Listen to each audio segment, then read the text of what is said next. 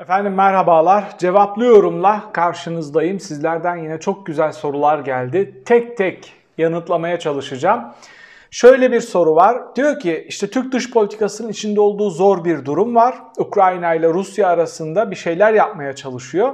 Temel soru şu ancak bu savaş uzarsa biz dengeyi koruyabilir miyiz? İkincisi sizce uzar mı? Üçüncüsü kim kapımıza hangi taleplerle gelir? Çok önemli bir soru. Bu savaşın uzama ihtimali var. Bunu öngörmemiz çok kolay değil ama kolay kolay bitmeyeceğini söyleyebiliriz. Uzadığında ne olabilir? Öncelikle Erdoğan Putin'le kurduğu özel bir ilişki zemini var. Birbirlerine güveniyorlar ve Putin'den aldığı bazı destekler var. Birçok iddia var. Putin'in 15 Temmuz'la alakalı birçok şeyi bildiğini, Suriye'de Erdoğan'ın birçok açığını kapattığını vesaire gibi. Onun için Erdoğan kesinlikle Putin'i kıramayacağını bildiği için ki bugün başka bir hamle yaptı. Farklı sorularda o hamleyi de yorumlayacağım. Tek taraflı Türkiye Rusya'ya, Erdoğan ise göbekten Putin'e bağlı. Biz burada Erdoğan iktidarının çok net Ukraynalıların yanında bir tavır alamayacağını görüyoruz. Bu ideolojik bir tavır değil. Bu ideolojik bir tercih de değil. Ney peki bu? Bu daha ziyade Erdoğan'ın içine düştüğü tek taraflı ilişkiler sarmalının fotoğrafı. Putin mutlaka Erdoğan'ın masasına bazı şeyleri koymuştur. Bazı kırmızı çizgileri çizmiştir. Zaten bunu çok iyi gördüğü için kendi oligarklarını, Erdoğan kendi oligarklarını Putin'i ve Rusya kamuoyunu ikna edebilmek için Moskova'ya gönderdiğini görüyoruz.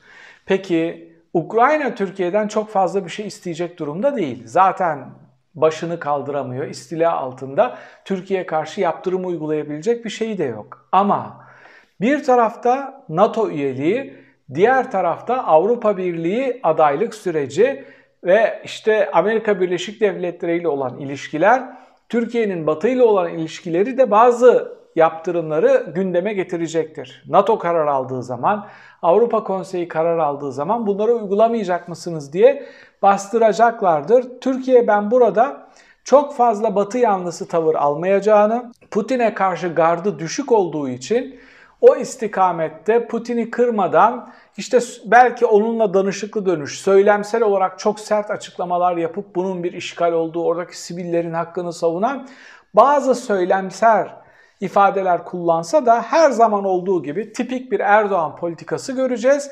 Eylem olarak hiçbir şey yapmayacaklarını düşünüyorum. Rusya'ya karşı en ufak bir yaptırımda bulunmayacaklarını düşünüyorum ki kendi seçmeninin de bunu arzuladığını, bunu hayal ettiğini düşünüyorum. Zaten oportunist bir liderin oportunist bir seçmeni olur. Riske girmeyecek, tavır almayacak, haktan, hukuktan vesaireden değil, ülkesinin, partisinin kendi siyasi istikametinin çıkarlarının bu olduğunu söyleyip o istikamette yoluna devam edecektir. Çok fazla sorulan bir soru var. Herkes diyor ki Suriye'den, Afganistan'dan yollara düşen insanlara karşı Barikat kurdular, blokaj yaptılar Avrupalılar ama Ukraynalılara kapıları açtılar ve onları alıyorlar. Bu ne demek? İşte orayı niçin kendilerine yakın mı hissediyorlar vesaire. Bir, evet yakın hissediyorlar. Öncelikle bunu söyleyelim. Tabii ki yakın hissediyorlar Avrupa'nın göbeğinde. Zaten Ukraynalılar sezonluk işçi olarak geliyor, Almanya'ya çalışıyor, birçok evlilikler var vesaire gibi ilişkiler var. Bu açıdan baktığınız zaman şunu kabul etmemiz gerekiyor. Ukraynalı bir sığınmacı Afganistanlı ve Suriyeli bir sığınmacı gibi değil. Ama işte barikatlar kuruluyor, almıyorlar derseniz orada da kısmen haksızlık yapmış olursunuz. Sadece Almanya 1 milyonun üstünde Suriyeli aldı. Bir seferde. Bu yüzden Merkel iktidara veda etmek zorunda kaldı. Partisi %36-38'lerden %24'lere düştü. Geri adım atmadı. Bu savaş hususunda göçmenlere sahip çıkacağım diye en ufak bir pazarlık konusu bile yapmadı. Benzer performansları farklı Avrupa ülkeleri de gösterdiler. Bir de şunu gözden kaçırmayın.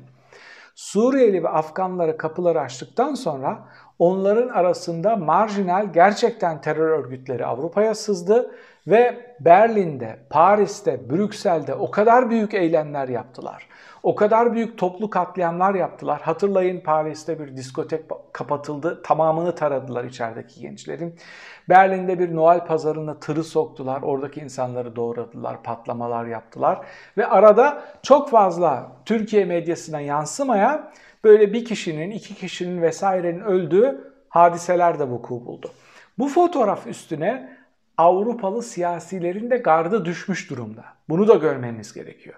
Yani göçmenlerin arasında buraya gelen marjinallerin yaptığı eylemlerin Suriyeli ve Afgan sığınmacıların gardını düşürdüğünü, onları kredisini inanılmaz bir şekilde yıprattığını söylememiz gerekiyor.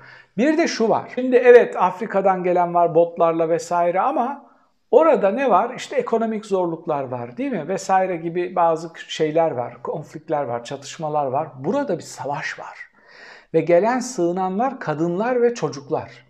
Yani eşleri orada. Ülke düzeldiğinde, barış tesis edildiğinde tamamına yakınının çok çabuk bir şekilde geri döneceğini çok iyi biliyorlar. Verdikleri statüde de o zaten.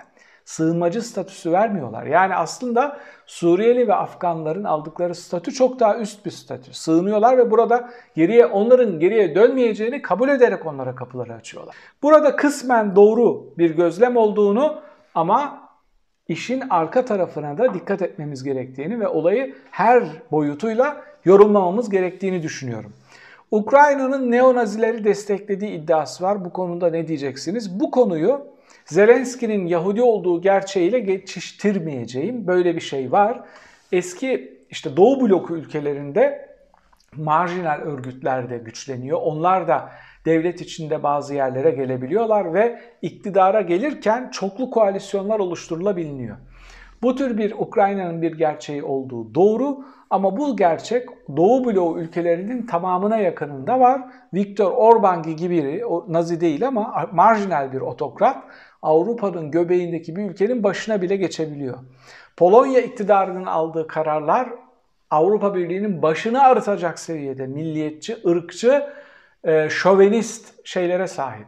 Evet, eski komünist ülkelerin içinde bloklaşmış bu tür yapılar var. Maalesef Ukrayna'da da bu vardı ama bu takdir edersiniz ki bunu bir savaş sebebi, istila sebebi olarak görecek değiliz. Rusya'nın Ukrayna'nın işgali Avrupa'da aşırı milliyetçiliği artırır mı? Avrupa Birliği bir ordu kurar mı diye bir soru var. Avrupa'da aşırı milliyetçilikten ziyade aşırı Rus karşıtlığını artırdı. Bu kadarını beklemiyordum. Gerçekten de Ruslara şöyle bakıyorlar.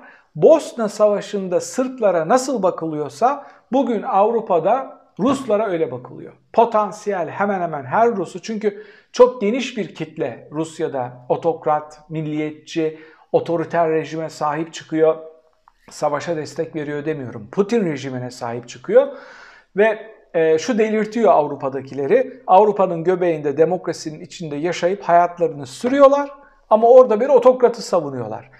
Tıpkı Türklerin Erdoğan'a oy vermesinden nefret ettikleri gibi Avrupalı Türklerin burada demokrasinin, hukukun üstünlüğünün tamamen sonuna kadar tadını çıkartıyorlar.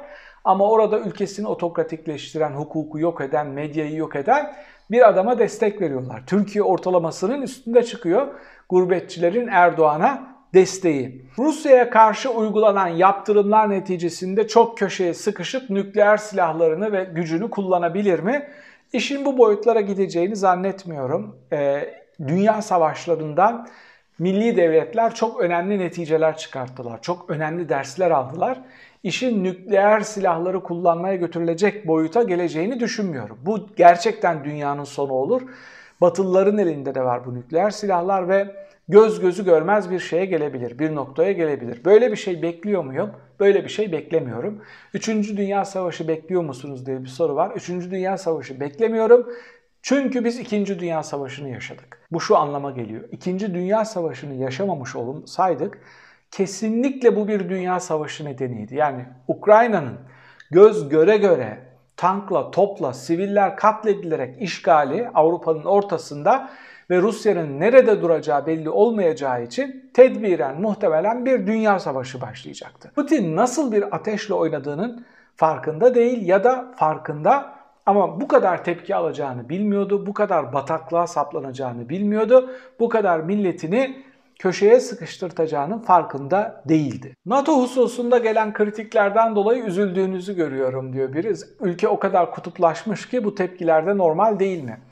Arkadaşlar ben NATO hususunda üzülmüyorum. NATO'yu yerden yere vurun. Benim üzüldüğüm şey bir ülkenin, sivil halkının işgal edilmesi ve bu bahanelerle, ucuz bahanelerle işgal edilmesi. Bir yazılı metin koydum toplum topluluk kısmına. Bu konuya daha çok fazla girip polemik yapmak istemiyorum. Şunu gördüm. Hiç kimsenin kimseyi ikna etme şansı yok. Ama beni şu hususta hiç kimse ikna edemez. Gerekçesi ne olursa olsun size saldırmamış, içinde sivillerin katledildiği, şehirlerin bombalandığı bir savaşı e, bedeli ne olursa olsun savunmam. Geri adım atmam, orada dururum. Bu benim kişilik yapımla, demokrasi anlayışımla, uluslararası ilişkiler anlayışımla doğru orantılı bir şey. Beni romantik bulanlar var, aşırı liberal demokrat bulanlar var vesaire. Çok fazla umurumda değil. Bu benim tercihim. Geride bir Rus-Türk savaşı çıkarsa Kürtler Türkiye'nin yanında yer alır mı diye bir soru var. Şimdi bu soruyu nasıl değerlendireceğimi çok fazla bilemedim. Birincisi bu sorunun soruluyor oluşu Kürtlere büyük bir haksızlık. Yani bizim bütün savaşlarımızda en ön cephede canını verdi Kürtler. Ee, işte Türkiye'nin Kurtuluş Savaşı'nda her cephede. Bir bakın o Çanakkale'deki şehitlikleri bir gezin nerede ne yazıyor. Ha şunu diyebilirsiniz bu kadar yaşanmışlıktan sonra böyle bir savaş olursa Kürtler işte bak tam da ayrılmanın zamanı deyip böyle bir şey başlatabilirler mi? Bu noktada bu zaviyede ayrılıkçı bir Kürt e, grubu olsaydı zaten PKK bugüne kadar netice alır, ülkenin bir tarafını kopartır ya da bir iç savaşa olayı evirebilirdi.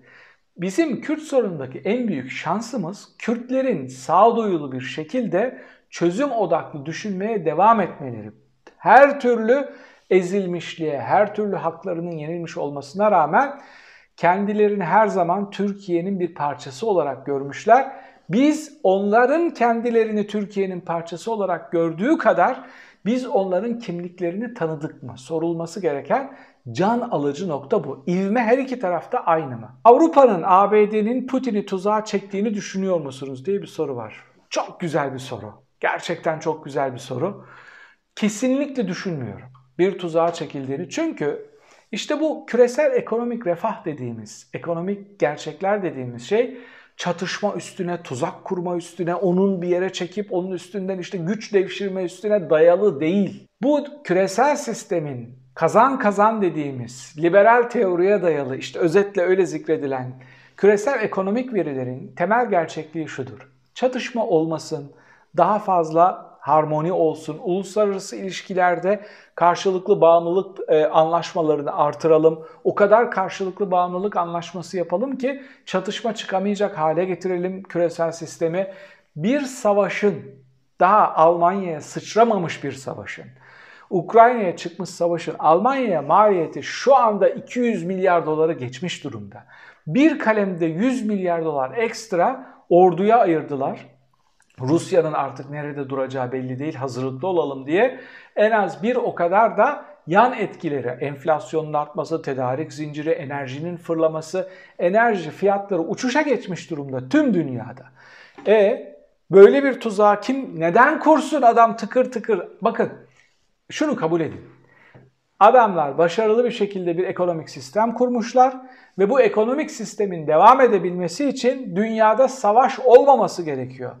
Aklınızda kalan, şimdi Türkiye'deki tartışmalara da bakıyorum. Açık oturumlara, sosyal medyada vuku bulan açık oturumlara. Özellikle Marksist ve Stalinist sol kesimin bir soğuk savaştan kalma dünya okuması var. O köprünün altından çok sular aktı ve ekonomik gerçeklerimiz artık o suların çok fersah fersah ötesinde.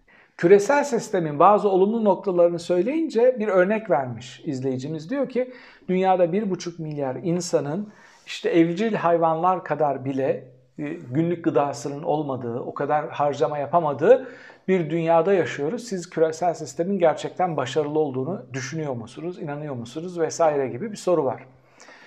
Ee, ben şunu savunmuyorum bakın. Geldiğimiz nokta muhteşem. Biz zirveyi yakaladık ya da Fukuyama gibi şey demiyorum. End of history, tarihin sonuna geldik. Liberal rejimler savaşı kazandı ve maç bitti. Bu ukalalık içinde değilim. Söylemeye çalıştığım şey şu. Dünyada benim kafamdaki ideal sistem şey şu. Liberal ekonomiler çok güzel, başarı elde ediyorlar ama ben bunun yanında en az bir sosyal demokrat kadar sosyal devleti savunuyorum.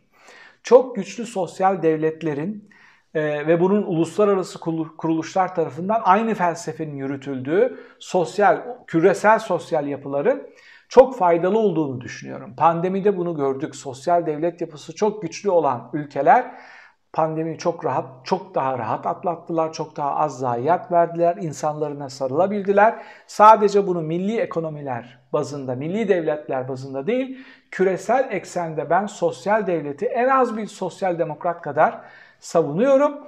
Ama şunu da görmemiz gerekiyor. Ben uluslararası ilişkileri e, liberal cepheden okuyorum. Yani savaşların olmadığı, milli devletlerin çıkarlarının arka plana itildiği, uluslararası hukukun ön plana çıktığı ve uluslararası örgütlerin daha ziyade belirleyici olduğu, milli devletlerden ziyade bir sistemi savunuyorum. Babacan bugün Rusya Rusya-Ukrayna savaşı demokratlar için ve otokratlar için bir turnusol kağıdı testi oldu dedi. Buna katılır mısınız diyor. Bu bence sadece Babacan'ın fikri değil. Şu anda gelişmiş demokrasiler tüm dünyaya böyle bakıyorlar. Benden misin, ondan mı sorusu Ukrayna'da nerede durdun, Ukrayna için ne yaptın, otokrat rejimlerle arana ne kadar mesafe koydun ya da koyacaksın sorusu üstüne oturtulacak. Dolayısıyla Babacan'ın tespitinin doğru olduğunu düşünüyorum. Özbekistan, Moldova, Polonya gibi ülkelerde hangi hazırlıklar yapılıyor diyor. Çok haklı bir soru. Ben bu coğrafyaların neredeyse tamamını gezdim. Hem doktora konumun bir parçası olduğu için hem ilgi duyduğum için Orta Asya, işte Doğu bloku ülkeleri tamamına yakınına gittim. Buralarda müthiş bir Rusya korkusu var. Müthiş bir Rus nefreti var. Şunu görmeniz gerekiyor. Onun için şunu söyledim. İşte Rusya'da bile savaş karşıtları şeyden daha fazla diye. E, Türkiye'de Putin'i destekleyen oranlardan daha fazla diye. Evet bu ülkelerde müthiş bir Rusya korkusu var. Hepsi hazırlık yapıyor. Hepsi bu cendereden nasıl çıkabiliriz üstüne kafa yormaya, yormaya başladı. Bizim böyle anlattığımız sol sosyalist çizgiden dünyayı okumuyorlar. Putin'i de işte komünizmin bir varisi olarak görmüyorlar. Putin'i bir faşist olarak görüyorlar, bir otokrat olarak görüyorlar, bir emperyal güç olarak görüyorlar. Onun için de onlardan ondan çok fazla korkuyorlar. İzleyicim Putin'i destekleyenlere sormak istiyorum. Bir çizgi çizilse ömrünüzün geri kalanınızı Rusya'da mı Amerika'da mı yaşayacaksınız diye sorulsa hangisini tercih eder acaba bu kitle diye soruyorum diyor. Bunu aktarmamı istemiş yayında. Evet bunu düşünebilirsiniz. Bir tercih koyuyor önünüze.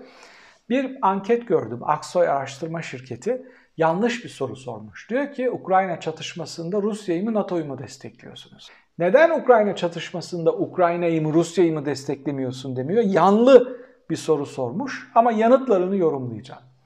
%78.2'si tarafsız olunmalı diyor. %19.4'ü NATO'yu desteklemeliyiz diyor ki o NATO'nun savaşı değil, Ukrayna'nın savaşı. 2.4'ü ise Rusya'dan yana olmalı diyor. Şimdi diyeceksiniz ki, aa Rusya'dan yana olmalı diyenler ne kadar azmış. Hayır, bu bir yanlış okuma olur. Rusya'yı destekleyenlerin o çatışmada NATO'yu destekleyenlerden daha fazla olduğunu düşünüyorum. Ama %78.2'nin içinde kendilerini sakladığını düşünüyorum. Yani açıktan Putin'i Rusya'yı destekleyelim diyemiyorlar. E, bu utanç verici bir şey. Onu destekleyelim demek. Sivil katliam yapan bir otokratı destekleyelim demek. Ama tarafsız kalalım diyerek bence kendilerini o kitle içinde saklıyorlar. Eski sosyalist, yeni İslamcı ve Erdoğan'ın otokratlarından, en büyük ihaleleri alanlardan Ethem Sancağı Rusya'ya gönderdi. Ethem Sancak Rus televizyonlarına konuştu, Rusları ikna etmeye çalıştı, onların gönlünü almaya çalıştı.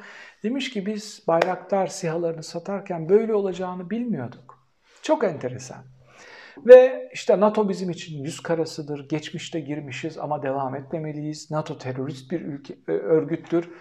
Erdoğan söyleyemeyeceği şeyleri, uluslararası dengeler açısından dillendiremeyeceği ama gönlünden geçirdiği şeyleri Bu arada sol sosyalist seçmenler Erdoğan'la bu açıdan gurur duyabilirsiniz. Sizin gibi düşünüyorlar NATO konusunda.